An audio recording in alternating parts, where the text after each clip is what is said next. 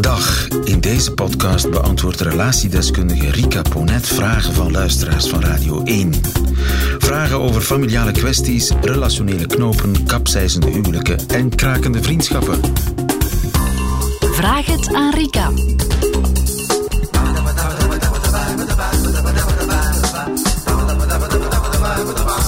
Mijn man schrijft Yvette en Yvette is eh 47. Mijn man heeft sinds een goed jaar een nieuwe hobby. Koken. Wauw. Voorheen deed hij niets in de keuken, waardoor ik eigenlijk van bij aanvang erg enthousiast reageerde.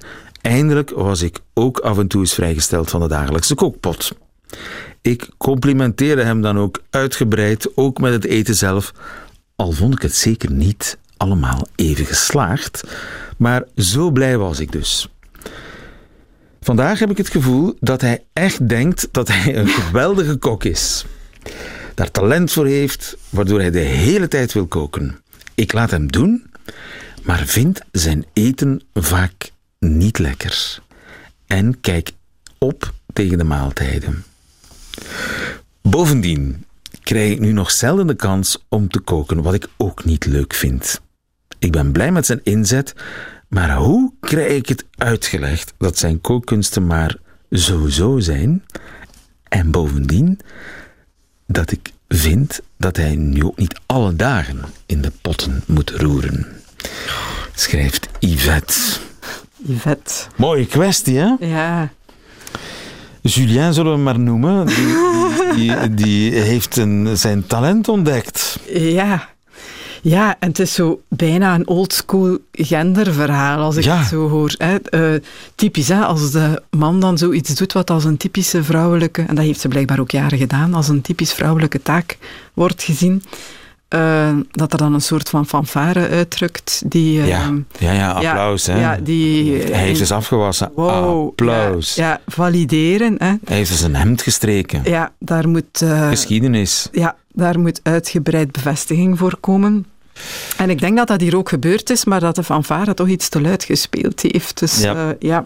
Ehm, ze is ook niet echt eerlijk geweest. Hè. Wel over het feit dat ze zo blij is met zijn inspanningen, maar niet direct over de kwaliteit eh, of de vrucht van zijn inspanningen. Hè. Dat, ehm, En daar betaalt ze nu de prijs voor en daar natuurlijk. betaalt ze nu de prijs voor. Had ze maar iets eerlijker geweest. En Ja. van die heerlijke moes, Ja, messina room, whatever, wat, wat, wat eh, ja, allemaal... ik, ik weet niet wat hij klaarmaakt. dus, Coco eh, vin, oh nooit zo lekker. Moet ze geen hond nemen? stiekem. Stiekem. Ja, als hij zich omdraait eh, om bij te scheppen, hup, hè, of het in de planten gieten. Hè, eh, als je Dan snel naar het frietkot. Ja, Zoiets. Ja, dat is natuurlijk ook geen Ehm, oplossing. Maar, maar ja, we zitten allebei een beetje gevangen in die leugen, denk ik. Want Ja. ik kan mij ook echt niet voorstellen dat als hij gedurende jaren niet in die keuken heeft gestaan, dat je dat nu ineens zo'n feest vindt om dat alle dagen te doen.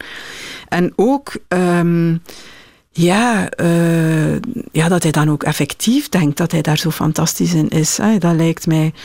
Ja, misschien vindt hij het fijn dat zijn vrouw hem zo complimenteert en ehm, blijft hij dan ook maar verder doen. Hè. Dat is, eh, Misschien weet hij stiekem dat het, dat het niet tevreden is.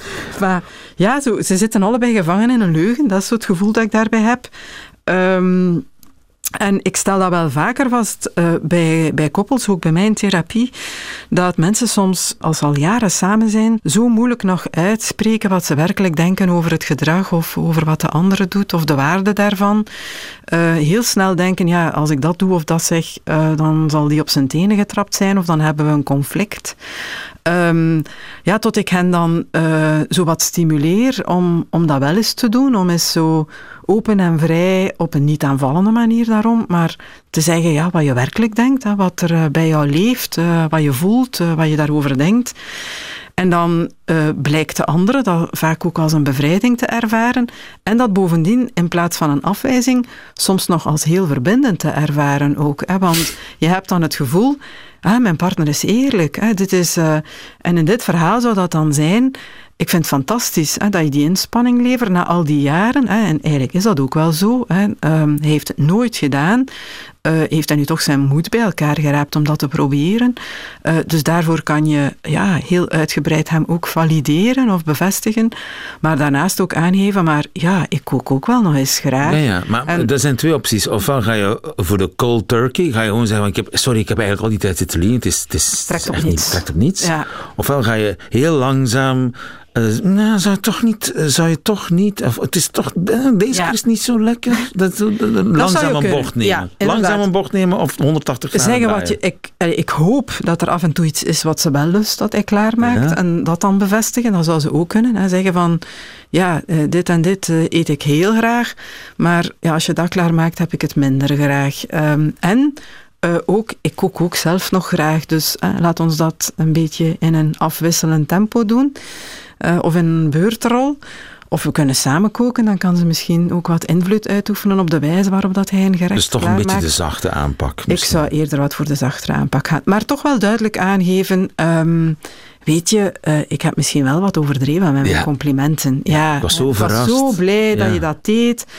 Maar ik vind niet alles even lekker, als ik eerlijk mag zijn. En dan eh, nog eens, ik merk echt, hij zal zich niet afgewezen voelen. Dat werkt. Ja, dat, uh, de andere voelt dan ook, misschien is het zelfs een opluchting voor hem, van oef, hè, uh, uh, dit, dit is het echte verhaal. Ik mag het af en toe ook weer aan haar overlaten. Uh, ik hoef niet de perfecte kok te zijn. Uh, het rust niet de hele tijd op mijn schouders, deze ja. taak. Um, doe het ook met wat humor. Mij lijkt dat een verhaal dat je nadien aan je kleinkinderen kan vertellen met, um, met het nodige gelach, denk ik. Ja, die ja. tijd dat papa dacht... Dat, dat papa dacht dat hij... Ja, dat, dat Peter Goossens was. Ja, of Jeroen Meus. Hè. Dus, uh, ja. Dankjewel, uh, Yvette, voor je brief. Ik hoop dat we jou geholpen hebben. Heeft u zelf een vraag voor Rika Ponet? Stuur ze dan naar nieuwefeiten.radio1.be. En wie weet hoort u het antwoord in een volgende podcast. Namen worden sowieso veranderd.